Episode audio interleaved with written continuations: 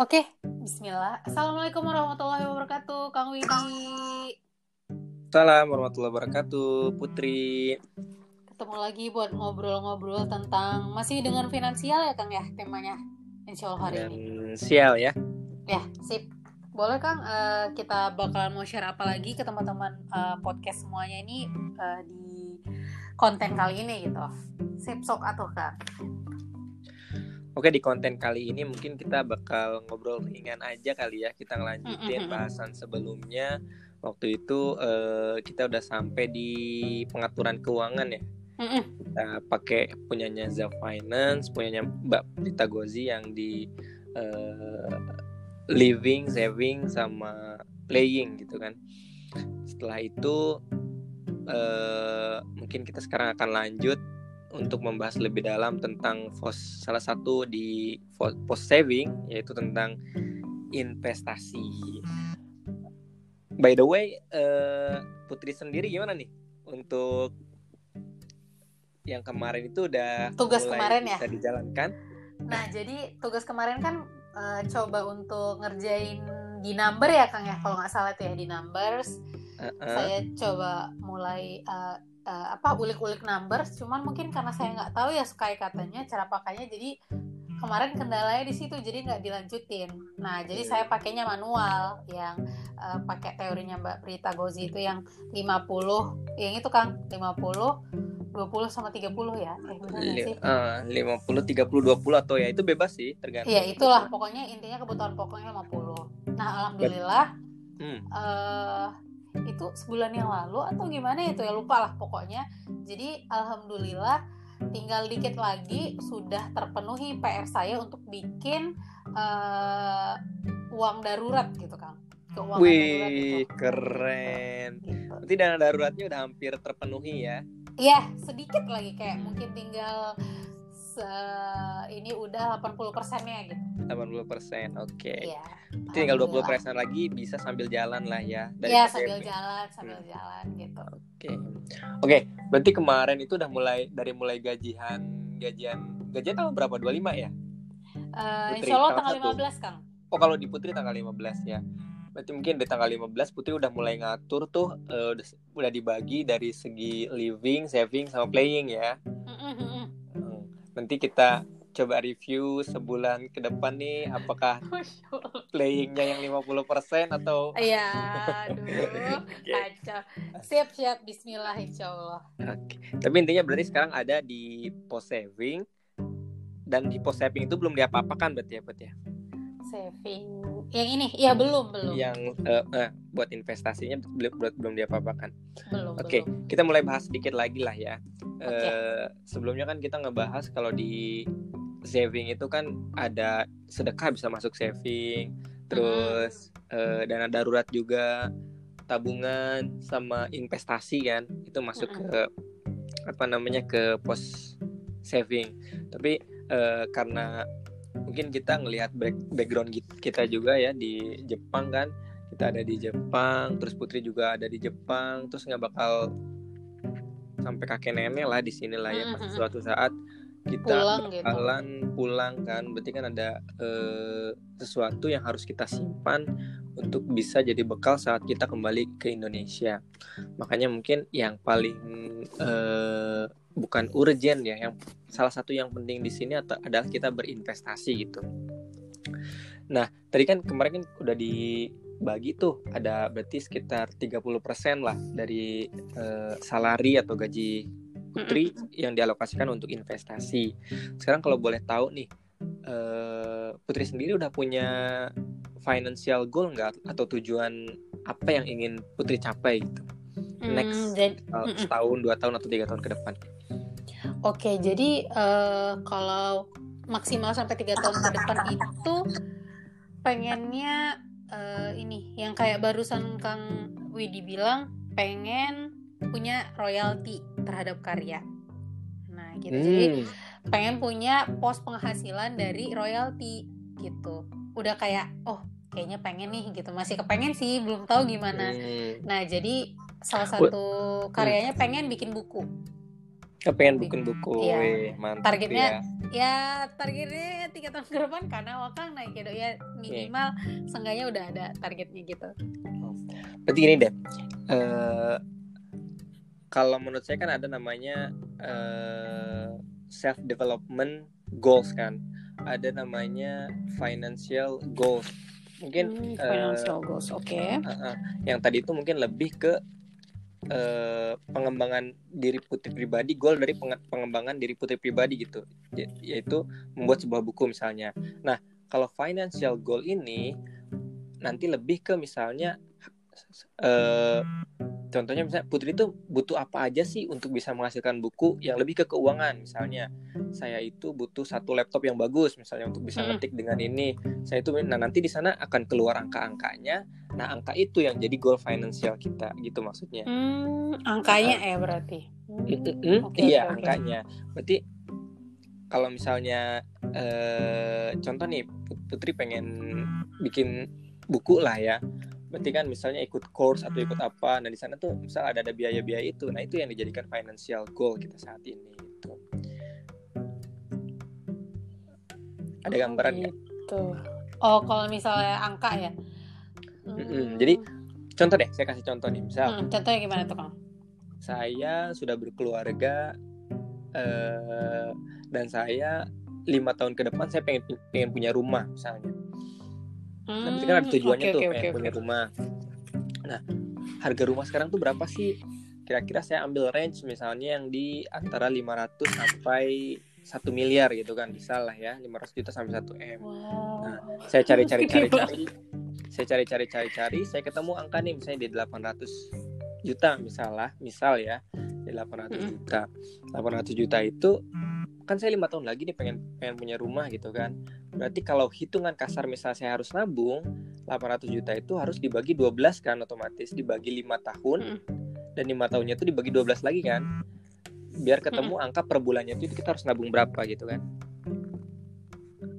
Hmm, hmm, hmm, hmm. misal lah contoh misalnya jangan 800 deh.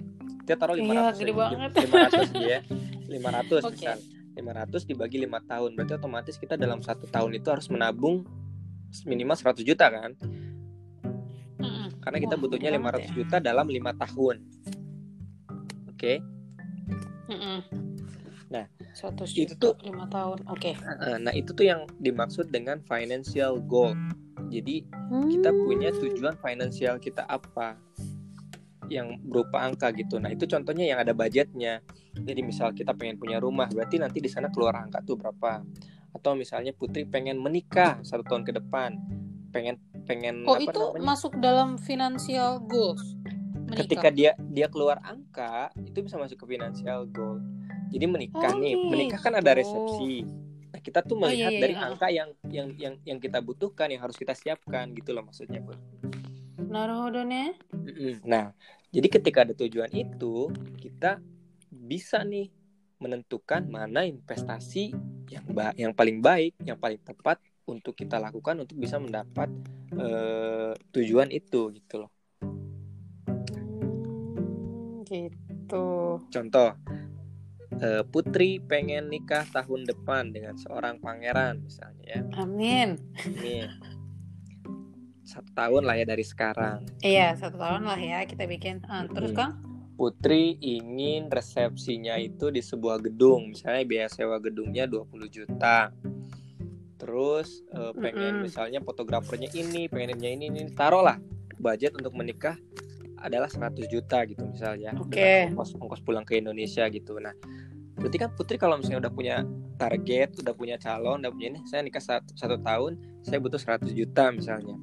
100 juta dari sekarang berarti kan tinggal 100 juta dibagi 12 bulan kan oke 100 juta dibagi 12 bulan bulan. iya taruhlah sekitar 99 jutaan berarti sebulannya kan yang harus 9 disabung jutaan. Mm. nah kalau tabungan itu kan segitu-gitu aja ya nggak ada penambahan nilai kan ngerti nggak Mm-mm. iya Nah, kalau kita pengen misalnya ini kan eh, kita itu harus berinvestasi misal.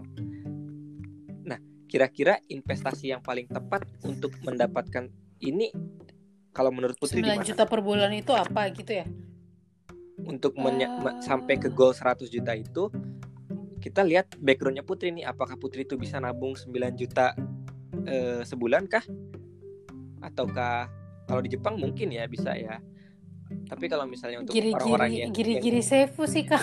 nah giri-giri sefu Heeh. ini juga yang nanti akan menentukan misal kan Putri udah kenal nih misalnya dengan produk investasi saham Heeh. Terus ada reksadana. Reksadana juga kan ada reksadana pasar uang pendapatan tetap reksadana campuran reksadana saham dan lain-lain sebagainya. Terus mungkin. Putri juga udah kenal yang namanya deposito ya kan? Iya. mah udah ini banget lah itu kan. Terus ada di emas gitu. Nah kalau misalnya Putri butuh dananya satu tahun ke depan kira-kira baik nggak kalau misalnya Putri naro budget saving Putri tiap bulannya itu Putri investasikan di saham kalau menurut Putri gimana? Hmm, Nggak tepat sih, soalnya kan liquidnya nggak nggak ini kan, gitu ya. Maksudnya Hmm. mencairkannya juga nggak nggak nggak cepat gitu. Kemudian kayak rugi gitu sih Kang. Oke, Belum tentu kan pas kita jual saham itu em, untung, malah bisa aja buntung kan gitu. Gitu ya. Maksudnya kan Put kan belum begitu ngerti ya gimana teknisnya. Cuman kalau kayak menurut Put kayaknya nggak tepat sih kalau saham gitu. Kayaknya gitu ya nggak tahu deh. oke. Oke, Oke. gimana Kang? Jadi kalau menurut Putri nih, kalau untuk misalnya goal satu tahun Putri ke depan itu baiknya itu disimpan di mana uangnya? Diinvestasikan di mana? Hmm, Cuman setahun ya Mm-mm. Eh, emas deh. Di emas emas. ya. Oke. Iya. Kita kunci ya Tahu. jawabannya. Oke. Kita bahas sama-sama. Ya Allah kayak lagi ujian. Eh sharing, sharing ringan aja. Saya juga belajar. Iya iya nggak apa-apa ya. Siap siap bos, siap coach. Gini kan. Salah. Jadi kan jadi 100 juta itu adalah goal Putri ya. Financial goal. Putri itu 100 juta. Otomatis kita tinggal cek nih dari pengaturan keuangan Putri, Mm-mm. Putri kan udah mengalokasikan 30% untuk saving. Iya. Nah, sekarang realnya aja deh 30% dari saving itu kira-kira berapa nih? 30% dari saving. Dari dari 30% ya saving 30% yang Putri atur di, di misalnya di keuangan Putri yang sekarang. Itu jatuh angkanya berapa? Hmm, gimana? ya? Yang sekarang yang sekarang ada gitu. Iya kan gaji Putri kan sudah diatur eh, buat living, saving sama playing kan. Nah, living 50%, saving Mm-mm, 30%, 20. playing 20%. Saving ya. Berarti si post saving ini sekarang ada berapa? Karena ngambil 30% dari gaji Putri berarti ada berapa nih? Angka lah sebutin angkanya ada berapa? Angka 70 ribu eh tuh bentar bentar kan 30 persen 30 persen dari si saving gitu atau Enggak, berarti kan 30 pos persen itu pos- berapa dari gaji, gitu dari gaji. Post Oh, saving dari kan gaji. 30% dari gaji kan.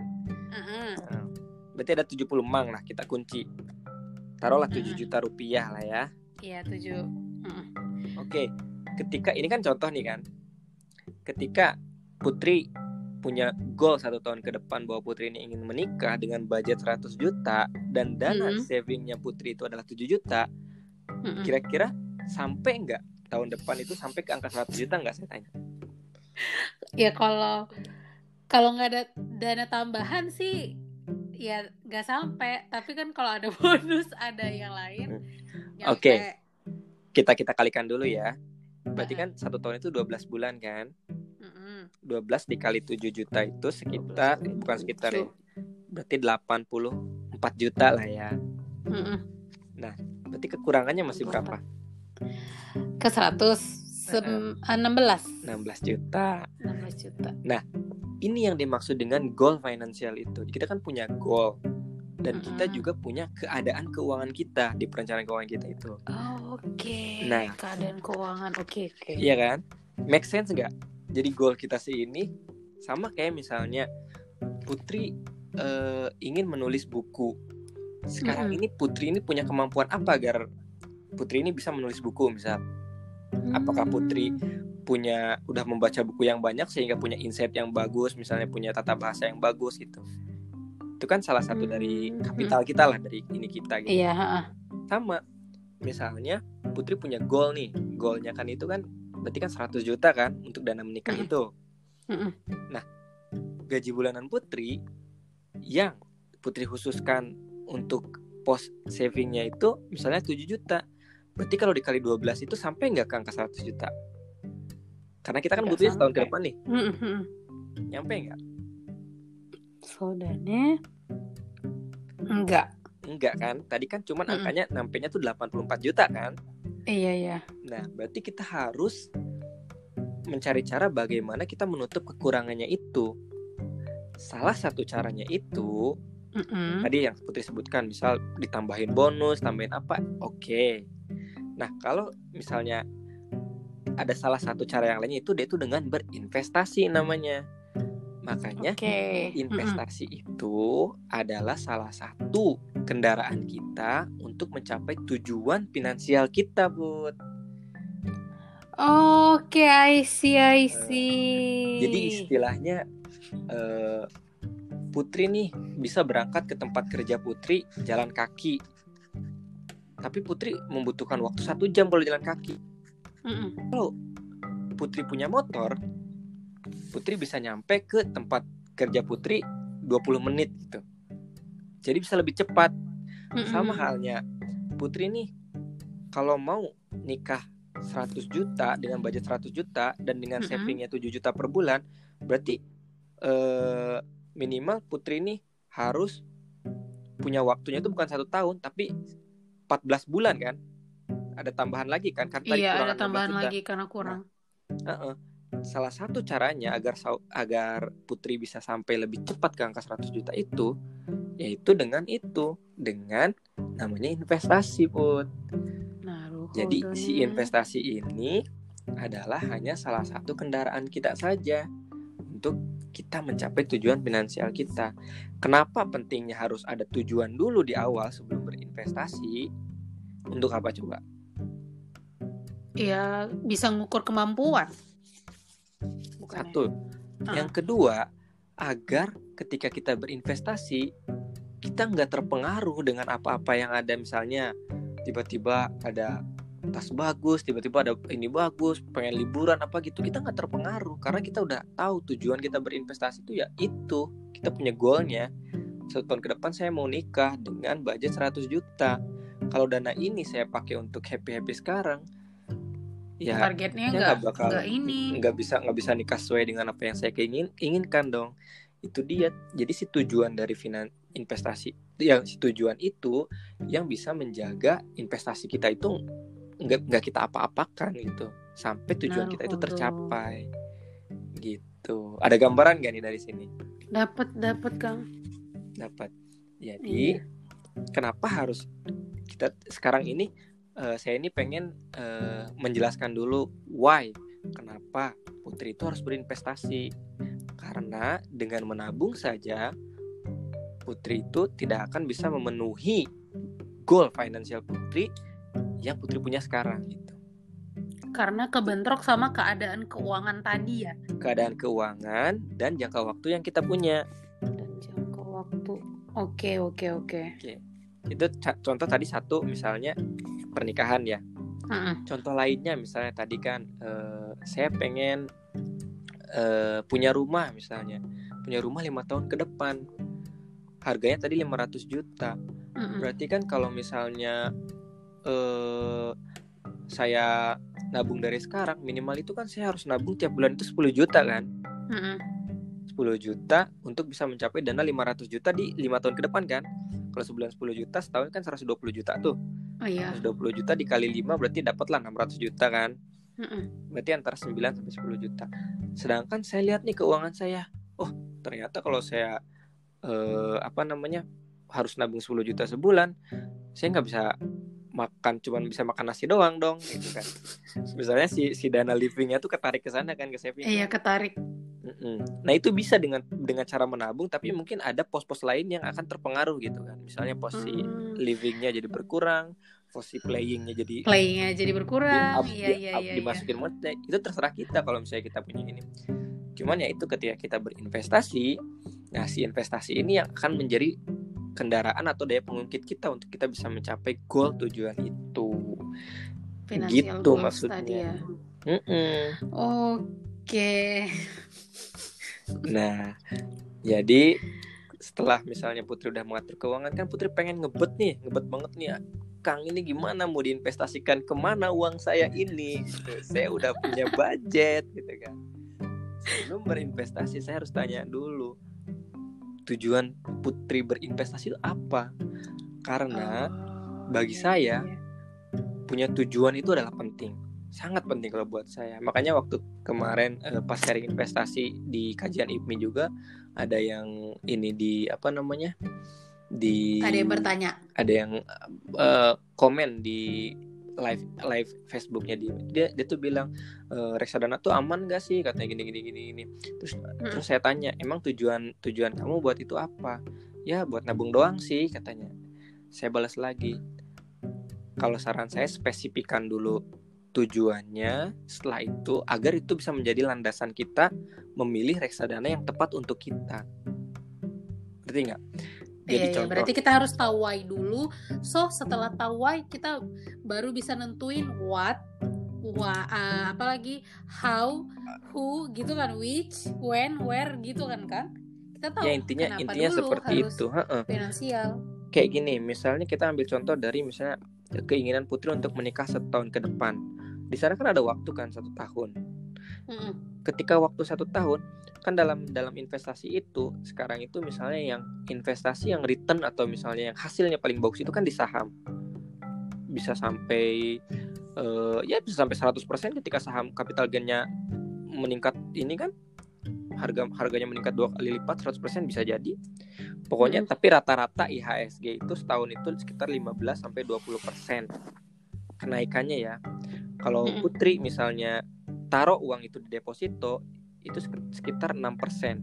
4 sampai 6% dari uang Putri nih. Misal taruh Putri taruh 10 juta, taruh 10 juta satu tahun kan misalnya deposito nih. Berarti 10 juta itu nanti Putri itu dari 10 juta itu akan mendapat kenaikan sekitar 6%. Nah, kalau kita lihat di sini berarti kan return yang paling bagus itu kan di saham kan, 15 sampai 20% kan. Mm, mm. Keuntungan yang paling bagus itu di saham. Jadi dari uang 100 juta Putri nih misalnya nih, Putri taruh di saham, itu bisa menghasilkan 120 juta. Itu kan gede banget kan? Mm, mm. Cumannya namanya ada ketika ada hasil apa? Ada hasil yang besar yang kita dapat, otomatis resikonya pun besar kan? High Iya risk, sih ya. high, high risk, high return. Jadi ketika misalnya kita me- apa investasi di saham, kita akan bisa mendapatkan hasil yang besar, tapi resiko juga besar gitu kan. Nah itu emang udah Iya, udah iya. jadi ininya karena saham kan volatil kan, bisa naik bisa turun. Nah sekarang kita lihat di tujuan Putri misalnya tadi, Putri mau menikah setahun ke depan, itu kan jangka waktunya satu tahun kan. Nah ketika kita sudah tahu tujuan kita dan kita udah tahu jangka waktunya satu tahun, di sini ini tuh bisa menjadi landasan cara kita memilih investasi apa yang tepat buat kita. Tepat nggak kalau ditaruh di saham? Saya tanya tepat nggak kalau ditaruh di saham? Kalau gitu ceritanya berarti berarti tepat. Kalau kalau misalnya kita kembali ke ini, tadi kan di awal Putri udah bilang nggak tepat tuh, Iya. Nah. Enggak. nggak tepat tuh. Sebenarnya Zeng jawabannya kalau kalau nggak tepat juga kurang ini, tapi kurang tepat karena pertama kalau misalnya kita berinvestasi di saham itu baiknya itu adalah tiga di atas lima tahun, tiga tiga sampai 10 tahun. Karena meskipun volatilitasnya naik turun, tapi kalau kita Mm-mm. tarik panjang secara grafik itu tuh jatuhnya grafiknya akan naik juga gitu si grafik harganya itu. Makanya kalau investasi di saham itu minimal 3 sampai ya lima tahun lah minimal lima tahun. Kalau mau Oh, investasi ya, kalau gitu. trading itu beda lagi. Nah, kalau misalnya untuk satu tahun, berarti ya Putri harus investasinya ya paling bisa yang diambil itu deposito. Kalau enggak mungkin emas bisa lah, emas tapi itu juga ada agak volatil. Terus sama misalnya reksadana pendapatan apa reksadana pasar uang. Reksadana pasar Hmm. uang. Itu dia jangka pendek eh, maksudnya agak cocok di yang jangka pendek gitu, Kang. Iya, di bawah satu tahun itu taruhnya bisa di tabungan biasa tabungan Mhm. biasa Putri cuman misalnya di bank syariah cuman dapat bagi hasil doang kan itu paling cuman 2 sampai tiga persen lah atau misalnya deposito syariah itu bisa ya 4 sampai lima persenan atau misalnya di saham eh di saham di reksadana pasar uang sama lah sekitar 5 sampai enam persenan gitu dapatnya. Karena resikonya lebih rendah put. Kalau Mm-mm. kita- eh, berinvestasi di di itu kita kalau untuk setahun itu resikonya rendah. Nggak nggak sama hampir nggak ada resiko gitu. Tapi uang kita bisa bertambah kalau kita taruh di saham itu tadi ada resikonya ketika misalnya satu tahun nih pas tanggal misalnya putri mau nikah tiba-tiba si sahamnya lagi turun itu tadi yang putri sebut Hmm. bukannya untung kita malah buntung kan mau Mm-mm. nikah tadinya di gedung yang ini tentunya nikahnya Jadi- cuman di Iya, jalan KUA. ditutup gitu kan Iya, amin amin ya Allah, jangan jangan ya Allah, jangan. ya itu dia. Makanya kita harus meningkatkan literasi finansial kita nih. Biar kita tahu goal finansial kita ini apa. Dari sana kita tahu investasi yang tepat yang kita pilih itu apa put. Oke. Jadi si uang yang sudah Putri siapkan tadi yang sudah Putri poskan dana saving itu sebelum misalnya diinvestasikan Putri harus tentukan dulu tujuan atau goal finansial Putri ini apa. Sokah. Oke, ya gimana dong? Gak ada financial goals. Aduh maaf pemirsa. Hmm. Iya gimana dong? Bukan bukan nggak ada put, belum ada dan belum aware. Oh, Oke. Iya iya iya. Belum ada dan belum aware. Siang komandan. Oke. Karena apa? Saya yakin suatu saat eh ya Putri kan itu tadi pasti ada lah ketika misalnya pulang ke Indonesia pengen punya kendaraan atau pengen punya motor, pengen punya mobil. Apakah Putri udah siap untuk misalnya eh apa namanya? membeli itu dengan cicilan? Atau Enggak. Enggak kan? Nggak kan? mau. why kenapa kenapa nggak dijadiin goal dari sekarang Putri udah milih misalnya mobil yang ingin Putri beli Putri udah milih misalnya motor yang ingin Putri beli itu kan udah keluar angka-angka tuh kan misalnya motor Iya tapi nggak pengen beli itu kang. Gimana ya?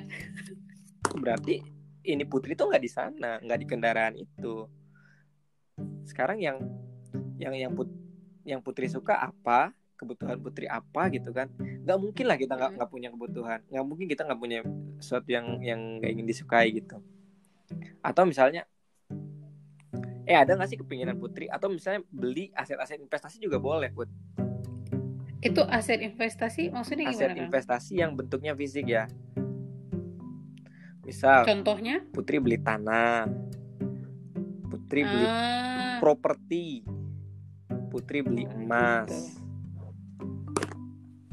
Adakah target-target untuk Putri beli itu belum ada juga kalau itu ada. Kalau Ada. emas ya ada. Karena suka kan. Hmm. Jadi ada. Tapi kalau kayak itu tadi kayak kendaraan, rumah, belum ya berarti. Eh, rumah itu iya, oke enggak, Hmm. enggak, enggak Berarti- ada. Kayak ya sampai sekarang belum ada ketertarikan untuk beli itu gitu. berarti eh, gini sebelum berinvestasi saya lupa menyampaikan bahwa kita itu harus tahu profil diri kita itu ada di mana apakah kita tipe Itu maksudnya gimana itu kang? apakah kita tipenya tipe konservatif ataukah tipenya tipe agresif itu beda-beda Oh, tiap itu orang itu lagi? Jadi kita tuh harus tahu profil diri kita nih. Kayak misalnya saya, saya ini tipenya agresif. Saya sudah siap misal melihat uang saya itu misalnya sekarang 100 juta. Saya investasikan Hmm. besok turun 50 juta jadi 50 juta. Saya udah siap melihat itu. Nah, tanya ke Putri ini, apakah Putri orang yang siap melihat itu atau orang yang ih ih ih kok kayak gini, kok kayak gini gitu. Nah, itu tuh ada ada ininya, ada tesnya gitu. Oh gitu. Mm-mm. Itu how to test itu kang? Gitu. Itu Hmm, gimana ngetesnya? itu ada di misalnya di Indo Indo Premier itu ada misalnya eh, untuk menginikan profil resi, profil kita tuh ada di mana apakah di, di konservatif nanti ada pertanyaan-pertanyaan apakah kita siap nih ketika misalnya melihat dana kekayaan kita uang kita itu tiba-tiba menurun berapa persen gitu apakah itu ada ada list pertanyaannya di biasanya ada di internet Oh, Nah, kalau kalau yang saya tangkap sekarang, yang saya ini ya, Putri itu lebih ke konservatif. Hmm. Jadi, jadi eh, untuk sekarang mungkin kalau saran saya pribadi nggak apa-apa nggak usah di saham dulu. Jadi jangan Oke. jangan jangan sam- jangan jangan terbawa-bawa wah orang-orang lagi ini saham ini saham ini saham saya ikut ikutan lagi gitu. lagi hype saham. Nggak usah. Iya, nggak iya. apa-apa nggak nggak nggak nggak ikut saham juga nggak apa-apa karena kita memang belum butuh sekarang tapi Putri silakan fokus pakai post saving Putri itu yaitu buat beli logam mulia karena sekarang Putri ininya di emas nggak apa-apa beli logam mulia ditabung logam mulia logam mulia logam mulia nggak apa-apa kayak gitu nanti ketika banyak jual logam mulianya beliin aset lain kayak tanah misalnya Hmm. beliin aset lain kayak properti lah coba properti kan nanti kan bisa disewakan dan itu bisa menjadi menjadi salah satu tadi tuh yang tujuh tujuh apa tujuh cara itu tuh yang saya Menuju sampaikan. financial freedom tadi ya. Hmm. salah satunya kan pemasukannya itu dari aset yang disewakan kan Iya iya iya. mungkin kalau saran saya sih sekarang itu aja nggak usah terburu-buru sampai ih yang lain udah investasi saham ini nih nggak usah. Biarin aja. Iya, iya, biarkan grup sharing investasi itu. Kita jadi pendengar aja. Ketika Putri udah siap ketika Putri udah tahu iya. dan udah mengerti udah silahkan masuk. Nggak ada kata terburu-buru kok dalam investasi. Yang penting Putri udah bisa mengatur keuangan dengan baik. Putri tahu letak eh, Putri ini ada di mana apakah ada di surplus atau di minus. Tapi saya yakin surplus ya karena Putri nggak suka cicilan nggak suka berhutang nggak suka ini gitu Iya. kan Nggak suka kredit. Heeh. sama ada di sama Putri udah punya dana darurat. Saya yakin ketika itu udah ini oke lah. Ini udah oke. Sekarang Seenggaknya ante lah ya. ante. Sekarang ya itu tadi misalnya dana savingnya masih ada, ya silahkan beli emas, beli apa emas fisik lah ya, yang logam mulia, logam mulia, logam mulia. Itu juga good kok kalau menurut saya. Tapi nanti Hmm. Eh, kalau misalnya emasnya udah banyak, misal udah punya satu kilo tuh, eh, eh, amin lah ya, amin. Amin. jual lah berapa gramnya misal di di properti ke properti gitu ya. karena apa prinsipnya itu jangan taruh eh, ini kita tuh hanya di satu basket don't don't put your investation in one basket jadi jangan taruh investasi itu di satu pot doang Ngerti nggak? Hmm. Jangan cuma taruh di saham semua. Tapi kita itu harus di- diversifikasi. Ditaruh di saham juga ditaruh di emas juga properti juga punya tanah juga punya tabungan misalnya deposito atau sukuk misalnya atau obligasi juga punya. Harus harus kayak gitu biar lebih aman. Karena setiap investasi itu pasti ada plus minusnya gitu. Ketika kita misalnya mendiversifikasikan investasi kita itu akan jatuhnya lebih aman terhadap eh, apa ya kekayaan yang kita miliki gitu pun karena misalnya kalau contoh nih Hmm. Putri taruh di emas ya Mm-mm. memang plus ya plusnya banyak minusnya apa Putri tahu nggak Enggak. emas itu kan gampang dicuri kan Saudane. itu salah satu minusnya gitu. emas properti salah satu plusnya susah dicuri gimana orang mau curi rumah Putri mau dibopong? Nggak bisa kan? Tapi minusnya apa? Kurang liquid kan? Putri butuh uang nggak bisa Iya, langsung liquidnya hari nggak hari bisa langsung. butuh uang langsung bisa ada yang beli rumah. Nggak bisa kayak gitu. Mm-mm. kalau emas kan salah satu plus ah, salah satu plusnya itu ketika Putri butuh uang tinggal lari ke toko emas jual dapat duit. Mm-mm. Oke.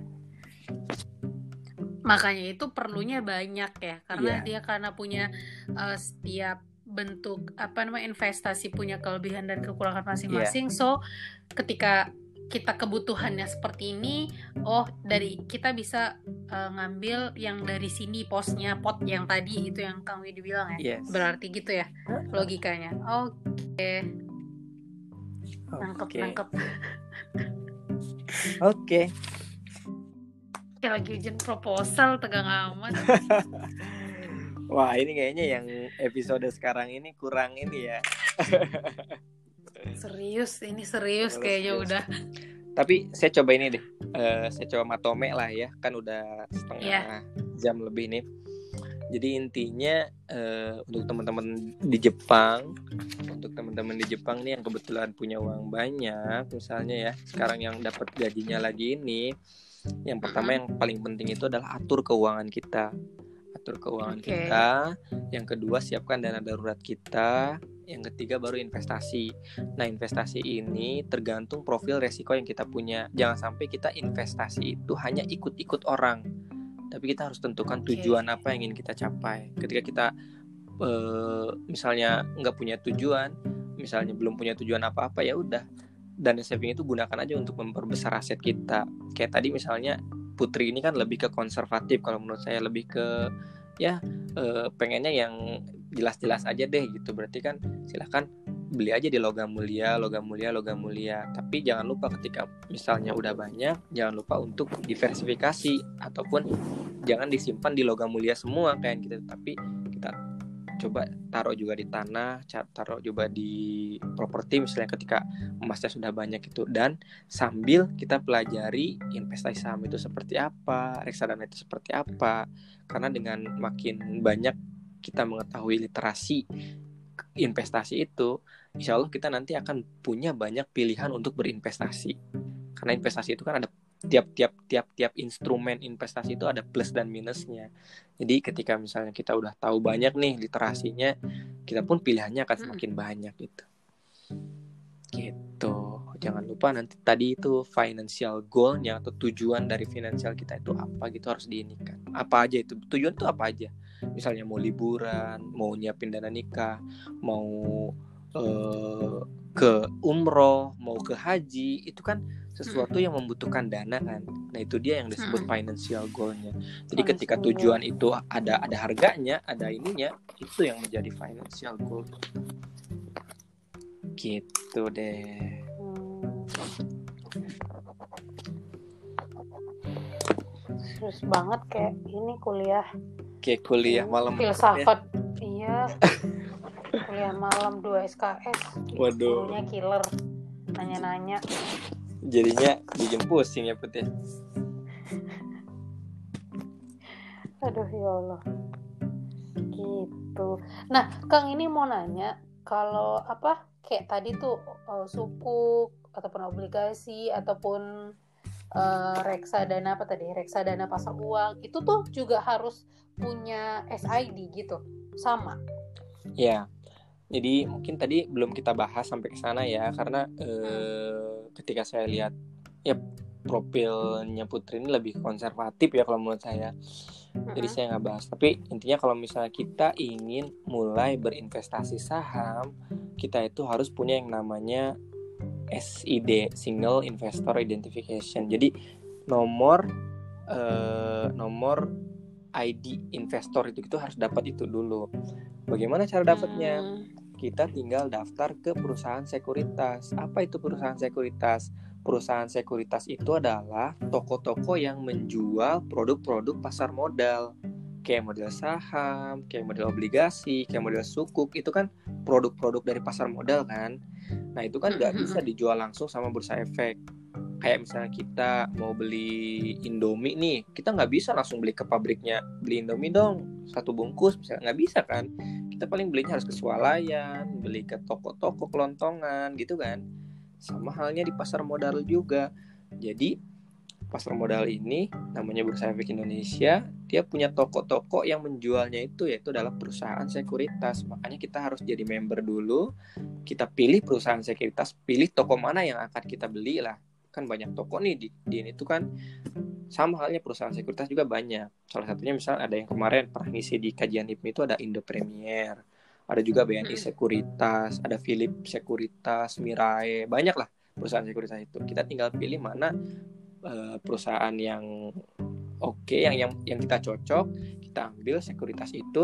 Nanti setelah kita daftar, kita udah otomatis tuh nanti akan dapat eh, nomor ID investor, kita akan dapat juga rekening bank kustodian yaitu rekening untuk menyimpan dana investasi kita. Lalu dibuatkan juga rekening efeknya gitu. Nanti semuanya udah include lah pokoknya kita tinggal daftar ke sekuritas doang gitu. Jadi pintu masuk untuk kita bisa berinvestasi sukuk berinvestasi obligasi reksadana ataupun kalau reksadana sih bisa sih ya dibeli di Bukalapak ataupun di apa gitu. Cuman kalau yang untuk produk-produk pasar modal yang tadi ya sukuk, saham, obligasi dan lain-lainnya itu ya kita harus lewat perusahaan sekuritas. Makanya teman-teman yang di Jepang ini yang ingin mulai investasi saham, pertama yang syarat harus awal ini itu adalah daftarkan diri Anda dulu di perusahaan sekuritas. Syarat-syaratnya itu harus punya nomor Indonesia, harus punya rekening bank, dan NPWP itu opsional ya, sama KTP ya. Nah ini biasanya yang menjadi kendala-kendala teman-teman di Jepang ini untuk daftar itu susah karena nggak punya ketiga hal itu pun. Makanya hmm. kemarin eh, sempat saya sama Kang Irfan kita coba search search, terus Kang Irfan juga nyoba-nyoba, akhirnya kita nemuin caranya bagaimana mendapatkan nomor Indonesia, bagaimana bisa membuka akun, semuanya online. Jadi untuk nomor Indonesia kita bisa pakai as virtual. Jadi kita beli as virtual di online nah itu kita dapat dapat nomor tapi online gitu bukan bentuknya bukan fisik tapi ada nomornya hmm. buat.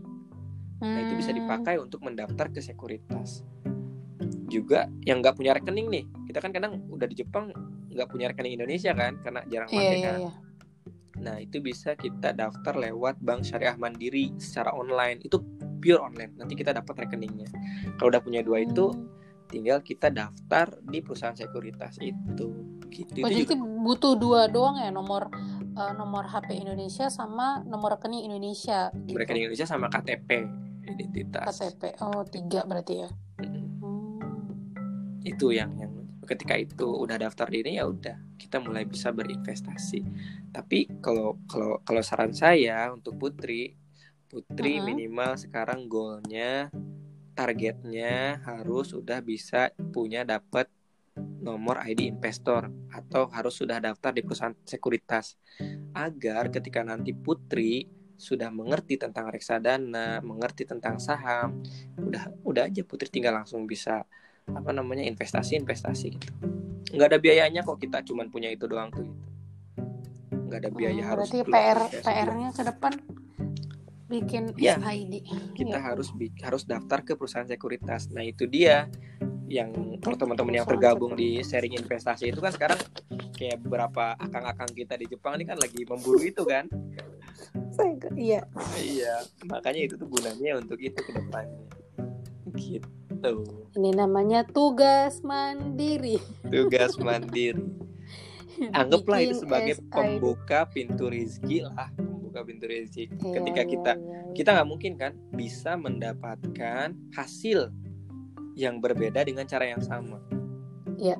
You know, kalau kita ingin mendapatkan hasil yang berbeda, otomatis cara yang dipakainya pun juga harus dirubah. Nggak bisa kita mendapatkan hasil yang berbeda dengan cara yang sama. Sama halnya ketika Putri ingin meningkatkan eh, apa ya finansial Putri, kalau Putri cuma kerja di Jepang doang, ya udah segitu-gitu aja.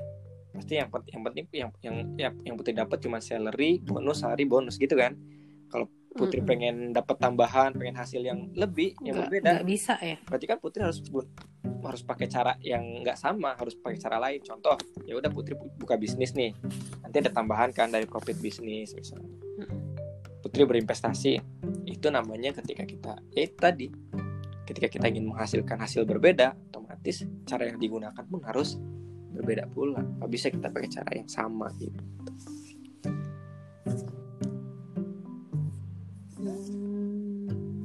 Oke, okay, ada yang bingung. Asli kayak lagi kuliah. Kayak lagi kuliah. Ah, kirai. Aduh, gue main nasa iya, ini. Sebenarnya iya. pengen pengen pengen apa ya? Pengen dibuat semudah mungkin perbincangan investasi kita ini. Tapi Cuman kayaknya ya. Uh, mungkin skill saya yang masih kurang mumpuni gitu memilih hmm, kata-katanya. Mungkin karena apa? Denger dong ya, nggak ada visual. Jadi cuman iya. audio doang jadi mungkin iya sih. agak susah dicerna. Tapi kalau audio plus visual mungkin oh lebih itu yang ya, namanya bener -bener. SID oh yang namanya iya properti uh, itu tuh bentuknya kayak gini kayak gini kayak gini. Terus kayak financial goals. Kirain tuh kan kayak pertama ditanya kayak gitu kan kayak uh, apa ya? Apa gitu. Jadi kayak nggak ngerti. Hmm. padahal dengan misalnya aku pengen jalan-jalan ke Turki misalnya. Itu hmm. udah termasuk finansial goals tadi. Karena Mm-mm. udah ada angka keluar. Berarti kayak misalnya butuh 50 juta. Berarti targetnya kapan perginya? Berarti kita harus saving berapa? Terus kira-kira mencukupi enggaknya? Terus gimana keadaan keuangan dan jangka waktunya? Kayak yang tadi Kang Widi bilang ah ternyata hal cuman sekedar pengen jalan-jalan aja itu bisa termasuk dalam financial goals ya. Tadi Yes. pas Kyuni Kikaretara put bingung makanya bingung. put bilang ya tiga tahun ke depan ya pengen ini punya itu tadi income Buku, ya. dari yang namanya Ya, iya. Oke. Makanya oh ternyata ini ya mis mis misleading putnya. Tapi ya hmm, udah oke sih untuk misalnya kita pakai media podcast ya karena memang podcast kan hanya untuk suara doang. Jadi sebenarnya yang ingin saya sampaikan itu hanya trigger aja kan ketika misalnya iya iya iya iya Putri kebingungan pusing gini nih harapan saya tuh Mm-mm. Putri langsung googling langsung membuka-buka apa sih tadi yang diomong itu? Nah itu harapan saya. Karena kita nggak mungkin bisa mengertikan seorang hanya dengan suara tadi kan. Ada Iya, pasti iya. yang misalnya lebih visual begitu tapi kalau saya tangkap sih udah udah baik banget menyimpulkan dia itu udah ada apa ya input yang bisa didapat lah sama Putri ya ya ya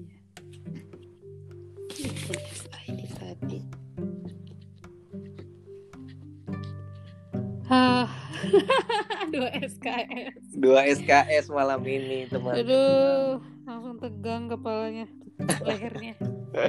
tapi intinya eh, ya untuk untuk apa ya untuk menyegarkan bukan menyegarkan ya merilekskan kepala putri gitu ya Eh, intinya ya pada intinya kesimpulan yang pengen diambil itu saving itu penting itu aja sih Mm-mm. saving itu penting eh, mau instrumennya apa aja yang penting ketika kita misal sudah punya eh, apa ya habit atau misalnya udah punya mindset oh saya itu harus saving gitu Mm-mm. itu adalah udah jalan yang track track awal yang bagus lah agar eh, ya kondisi finansial kita itu lebih baik. Kalau menurut saya sih intinya intinya itu deh. Oke jadi gak usah bingung-bingung. Istilahnya Putri udah ada di track yang oke lah tadi kan lihat dan daruratnya hampir oke nih oke gitu savingnya sekarang jadi Ngebul kepalanya.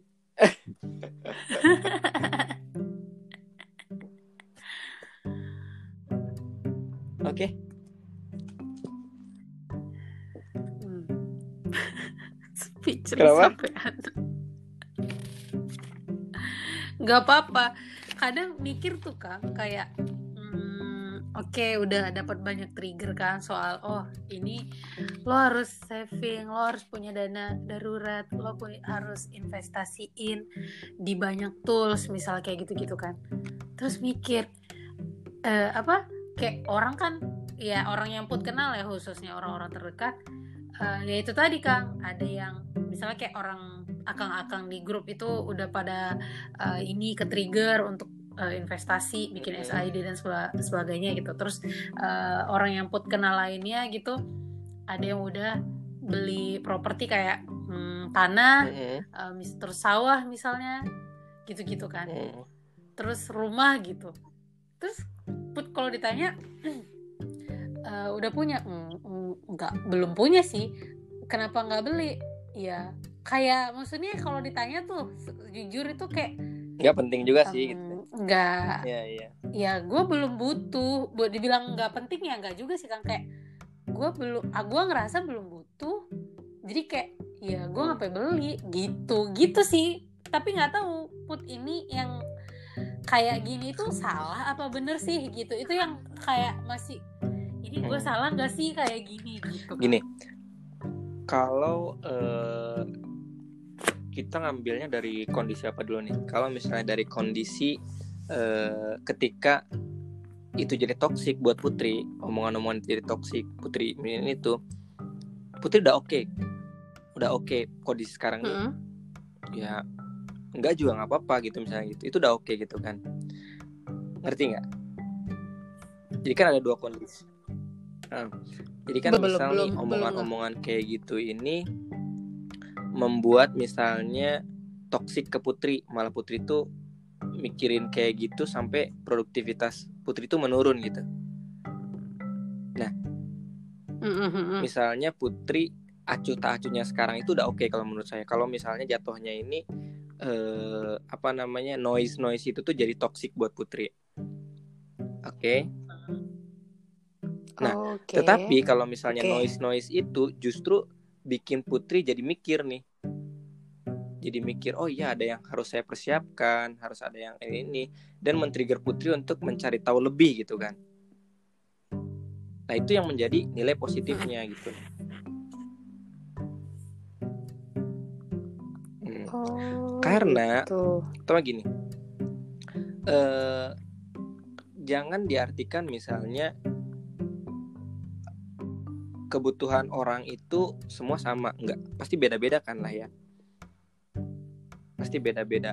Makanya Mm-mm. kenapa pentingnya kita menentukan tujuan finansial kita di awal itu adalah untuk menyelaraskan dengan kebutuhan yang kita butuhkan gitu. Kayak contohnya misal ada teman putri yang Hmm. mengatakan saya udah beli sawah, saya udah beli tanah, saya udah beli ini.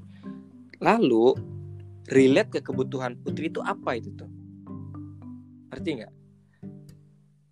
Kalau putri udah bisa menjabarkan, saya kan nggak butuh sawah karena saya nanti nggak bakal jadi tukang sawah, nggak bakal jadi petani.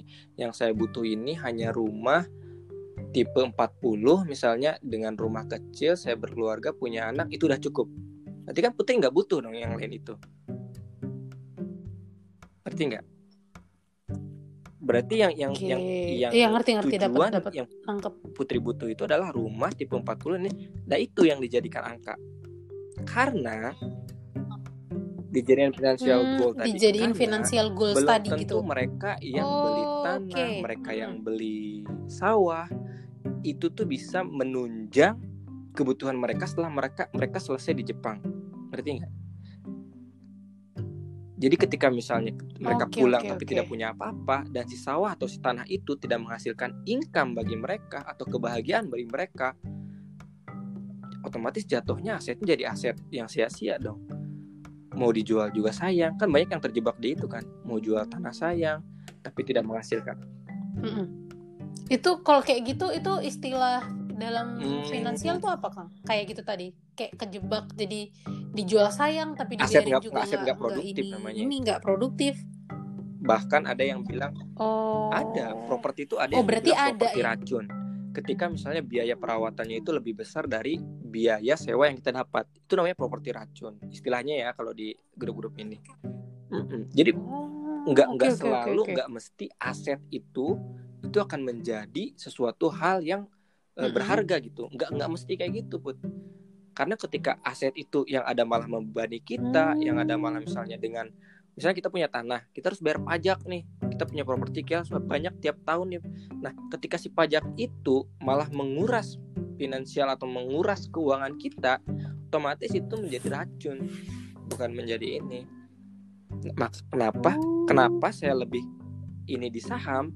Karena ya itu terhindar dari itu gitu. Kalau saham itu saya bisa main maintenance dari Jepang Hmm, oke tanpa oke. harus misalnya saya ya kan kalau misalnya properti saya punya properti yang disewakan misalnya punya kos kosan saya kan harus maintenance misalnya harus dicat harus diapa gitu kan ada biayanya kan? Biaya yang jaganya Mm. belum kalau ada Ada masalah di biaya sana itu kan otomatis ada sesuatu yang harus ada import kita lah untuk ini. Sedangkan kalau saham itu orang kita beri Mm-mm. perusahaan kok perusahaan kan mereka yang menjalankan gitu. Nah itu itu yang yang menjadi pilihan kenapa saya investasi di saham. Mungkin mungkin alasan ini belum sampai ke Putri karena Putri baru mulai mencoba mengenal gitu. Nanti setelah setelah Putri belajar ini Hmm. ya semoga aja ini tuh jadi sebuah alasan buat Putri ketika menemukan aset investasi apa sih yang tepat buat Putri gitu loh. Jadi ketika ada yang bilang misalnya eh eh kamu saya udah punya sawah saya punya kamu kamu udah punya apa? Tanyakan dulu ke Putri goal finansial Putri itu apa? Tujuan Putri itu apa? Apakah dengan punya aset-aset itu akan menunjang goal yang Putri targetkan atau enggak gitu loh? Untuk apa misalnya Putri punya sawah punya ini ketika misalnya goalnya Putri mah ya itu tadi yang seperti saya sebutkan. Saya pengen ya hidup ini hidup punya income gini gini gini gitu. Karena ketika punya sawah pun kalau misalnya nggak diolah nggak di ini itu kan butuh effort juga kan ketika kita mau olah sawah ketika kita ini sawah gitu kan. Siapa yang akan melakukan itu nanti ada hitung hitungannya juga kan di sana. Digambar kan? Jadi kayak kadang masih uh, tergambar kang. Jadi kayak mikir tuh kayak jangan-jangan gue tuh salah gitu ya. Atau ini konsep berpikir yang salah apa enggak? Gitu kok. Ya maksudnya lingkungan Hmm. sekitar ya khususnya teman-teman yang di sini ya. Ngelariin Mm-mm. uangnya iya kan iya. memang tuh, karena itu adalah itu tadi yang saya bilang Hmm. konservatif konservatif itu yang udah ada di zaman dulu. Kalau nggak ke emas ke tanah kan? Karena apa? Karena literasi finansial Mm-mm. mereka itu ya hanya di sana put. Itulah itulah yang menjadi Oh, konsen nangkep, konsen beberapa nangkep. financial planner kita di Indonesia pengen meningkatkan literasi finansial orang-orang Indonesia. Kenapa? Ya agar mereka punya banyak pilihan dalam berinvestasi. Selain itu, agar mereka juga tidak mudah terjebak dengan investasi bodong, dengan cicilan, dengan bunga yang tinggi. Mereka tuh ingin meningkatkan literasi finansial yang ada di orang-orang Indonesia. Gitu. Karena gini lah. Eh, Putri kan pernah bilang harus ideal ya, idealism itu kan. Apa ya paradigma di kita ini terlalu banyak yang paradigma yang kurang tepat tapi dianggap wajar gitu loh. Terlalu banyak gitu. ah iya iya di dalam investasi pun seperti itu gitu kan. Mereka tuh mengatakan beli tanah pasti menguntungkan, beli in- beli sawah pasti menguntungkan. Itu kan hitungan. kalau mau beli investasi udah di tanah aja itu naik terus harganya gitu kan. Itu kan dibilang kayak gitu Ah, kan. udah kayak Sekarang gitu saya tanya, langsung cus Ah, Kalau iya. itu harganya naik terus, keuntungan buat kitanya apa? Belum ada kan? Baru potensial kan? Kecuali tanah itu kita jual, baru kita dapat keuntungan, iya, iya. ya nggak? Iya kan? baru Apa dapat untung dengan saham? iya ah. Ketika sahamnya naik, kita melihat chartnya, sahamnya naik nih. Kita lihat chartnya, oh ini udah naik nih. Apa kita benar-benar dapat keuntungan? Belum kan? Kecuali kita jual sahamnya, baru kita dapat. Nah, sama ketika kita jual sahamnya turun, dapat apakah kita rugi? Belum, karena masih potensial kerugian. Ketika Ya, kita jual belum, sahamnya, kan. ya itu udah jadi kerugian kita. Kalau kita Iya, kalau kita ba- tahan sahamnya kita jadi nggak kenapa-napa. Hmm. Bedanya apa dengan si tanah itu kan? Berarti kan otomatis si keuntungan itu adanya dalam ilusi aja kan sebenarnya. Ketika tidak di, Hmm, hanya ketika ketakutan tidak direalisasikan, tidak misalnya ya tanah nih, uh tanah ini udah harganya segini. Ketika dia nggak menjual, otomatis dia nggak dapat ini kan, nggak dapat keuntungan kan? Bener nggak? Mau tanah itu naik berapapun, kalau dia iya, iya, iya. tetap pegang itu tanah, dia nggak dapat keuntungan kan? Hanya mendapat kesenangan bahwa dia mendengar tanahnya itu naik harganya gitu kan? Iya kan? kayak kesenangan semua ya Iya, Kayak, real ya, uangnya nggak ada, sih, kan? gitu ya Bener nggak? iya iya Oke, oke, iya masuk nggak? iya sih saya? Oke, oke iya, masuk oke. Nah itu dia. Iya, Terus iya. minusnya seperti yang udah saya ulang-ulang sebelumnya. Kamu punya tanah, Hmm. kamu butuh uang. Besok nih, aduh saya butuh uang besok. Bisa nggak dapat uang? iya Dapat uang dengan jual tanah besok nggak gitu. iya ya Hampir mustahil kan zaman sekarang itu kan. Enggak. Kita butuh waktu kan Iya. menjual Ah. importnya kadang satu bulan, dua bulan, tiga bulan, satu tahun. Beda dengan saham.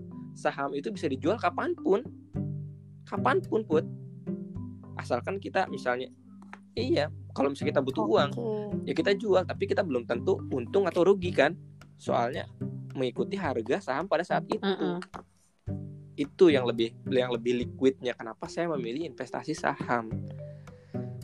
Gitu put. Jadi kalau misalnya saya udah ya mungkin sekarang Putri ada masih ada di literasi yang menyetujui eh, teman-teman Putri itu bahwa memang membeli tanah membeli itu adalah sebuah keuntungan plek gitu kan.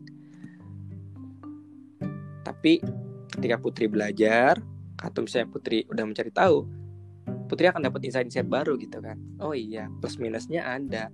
Oh iya yang namanya keuntungannya juga kan kalau misalnya nggak dijual berarti kan nggak terrealisasi keuntungannya kan. Masih masih cuman ya sebatas nih nah harganya udah naik gitu. Tapi kan nggak dapet real uangnya gitu kan. Gitu. Kayak sama kayak misalnya oh kurs uh, lagi naik nih. ke rupiah iya. lagi naik nih Iya naik, ya nggak dapet gitu kita lagi nggak ngirim uang ya. betul Iya, iya. nah itu mudah-mudahan jadi in Iya, Hmm. iya, iya, iya. Makanya tuh put kayak ragu tuh se- sebelum ini Mm-mm. Kang Widi barusan ngajarin ya, put kayak ih gue bener nggak sih eh, masih nahan diri untuk nggak buru-buru Mm-mm. beli properti misalnya kayak gitu gitu atau jangan-jangan No, no. gue terlambat gitu nggak ada kata kayak gitu terlambat tadi kan jadi makanya setelah Kang Widi bilang kayak gini yes. berarti gue juga nggak salah dong untuk masih nahan diri untuk nggak langsung kayak gitu. Karena ya itu tadi kayak Kang Widi bilang kita harus tawainya dulu juga. Kemudian harus memperluas literasi tentang eh, finansial dan investasi ini. Dan juga jangan terpatok pada satu eh apa tadi? Iya keranjang iya. sih. keranjang ataupun tools investasi. Jadi eh, kalau memang mau di properti boleh tapi pa- pasti ada plus minusnya. Misalnya likuiditasnya ya itu Mm-mm. tadi nggak nggak nggak cepet nggak cepet cair gitu. Nah kalau misalnya saham eh, kekurangan kelebihannya juga ada. Cuman ya itu eh, ada B. ada plusnya A, minusnya B, misal gitu. Jadi makanya ada baiknya dikembangin dulu literasi tentang eh, dunia finansial ini, kemudian kemudian pelan-pelan diperbaiki tadi itu ya Kang kayak eh, ada dana apa dana darurat udah oke, saving udah ada, terus eh, Hmm. apa Seikatsu udah angte di situ setelah Iya. itu udah bisa baru beranjak bikin SID eh, dikembangin lagi kita butuhnya apa observasi kita tuh profil kita tuh sebenarnya di mana yang ya di jenjang konservatif atau agresif atau yang apa agresif kemudian baru deh pelan-pelan dicoba investasi tapi banyak sebisa mungkin banyak investasi nggak cuman Hmm. saham aja nggak cuman misalnya properti emas murni aja misalnya nggak gitu ya kang oke. dapat insight ya dapat resumenya. Ah, Ah, iya. saya lega ini ketika Ah, Putri udah bisa Kadang memotong kan itu saya suka- lega banget enggak karena itu ih bayangin kan udah tahun keempat di Jepang dan masih kayak gitu kayak kayaknya nggak nggak selamanya harus tanah melulu deh nggak harus itu gitu. Sampai kita tuh eh, benar-benar ngorbanin eh, si itu tadi si apa namanya biaya livingnya gitu. Put nggak bisa kalau uang livingnya diganggu gugat itu tipe orang yang duh jangan deh gitu. Gegara cuman lo beli tanah gitu. Dan ya kayak Kang Widi bilang itu kan liquidnya itu nggak cepet gitu kan. Dan juga belum butuh gitu kan. Nggak urgent dibandingkan dana darurat. Jadi put baru ngah ini baru-baru aja nih. Baru set Wih. sedetik se- se- 10 detik yang lalu. Iya ya kalau misalnya gue punya dana darurat nih udah oke dana darurat gue ya jangan sampai sih sakit gitu. Ya misal kita kan nggak tahu ya kang ya kecelakaan kecelakaan lah gitu misalnya apalah gitu kan. Dan ternyata itu nggak masuk rosai misalnya. Ternyata harus kita tanggung sendiri. Nah kalau kalau tadi put eh, mementingkan eh, gegabah gitu punya apa tadi eh, properti misalnya sawah Hmm. ataupun tanah gitu misalnya. Sedangkan put lagi butuhnya si itu tadi karena kecelakaan misalnya karena ada something lah trouble. Nah berarti kan sama aja put Iya, itu sebenarnya iya, nggak iya, punya betul. apa-apa kan karena aset-aset itu tidak- tidak membantu Iya, apa-apa kan kecuali kamu jual aset iya. itu baru. Iya aset racun dalam keadaan itu. Nah sedangkan eh, put nggak punya dana darurat tapi lebih mementingkan langsung ke investasi gitu.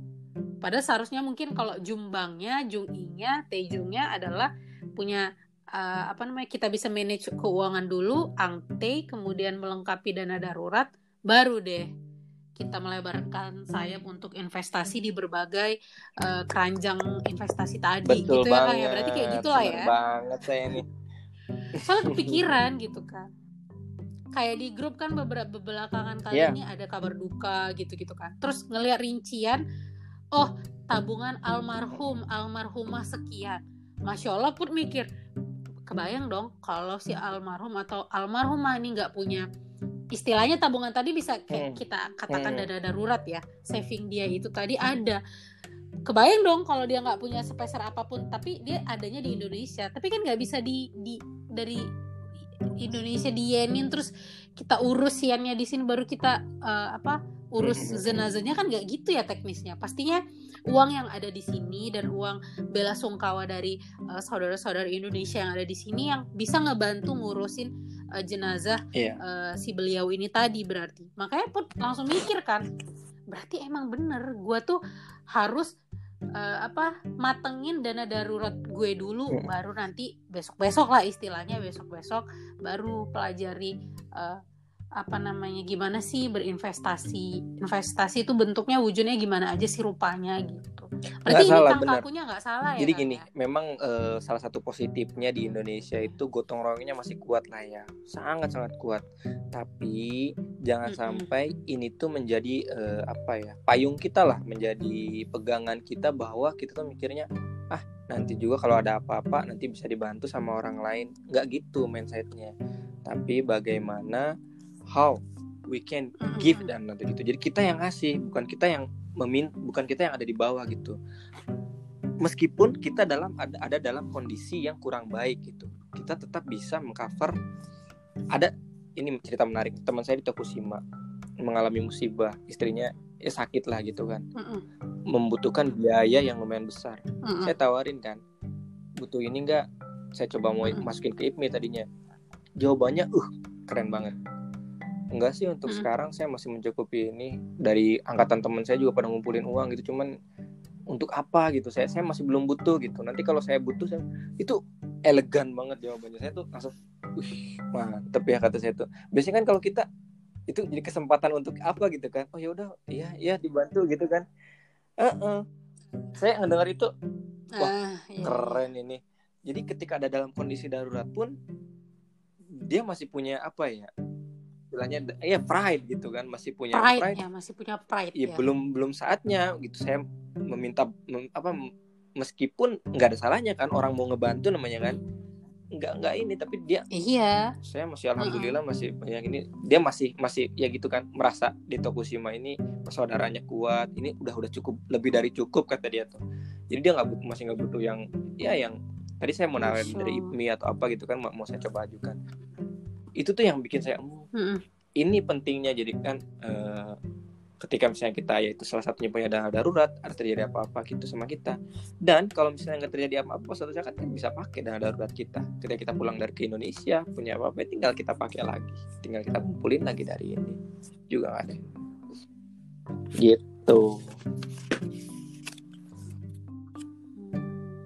Iya berarti ya yuk kata kalau ya ini juga nggak salah tergantung Ya. ke- kebutuhan dan keadaan masing-masing ya Kang ya. jadi intinya ketika memang ya. sih eh, ya itulah trigger-trigger atau misalnya eh, noise-noise atau omongan-omongan orang itu bisa menjadi dua hal kan bisa menjadi toksik Mm-mm. untuk kita dan bisa menjadi eh, pemicu kita untuk mencari tahu yang lebih baik gitu makanya ya itu tadi apalagi masalah keuangan gitu kan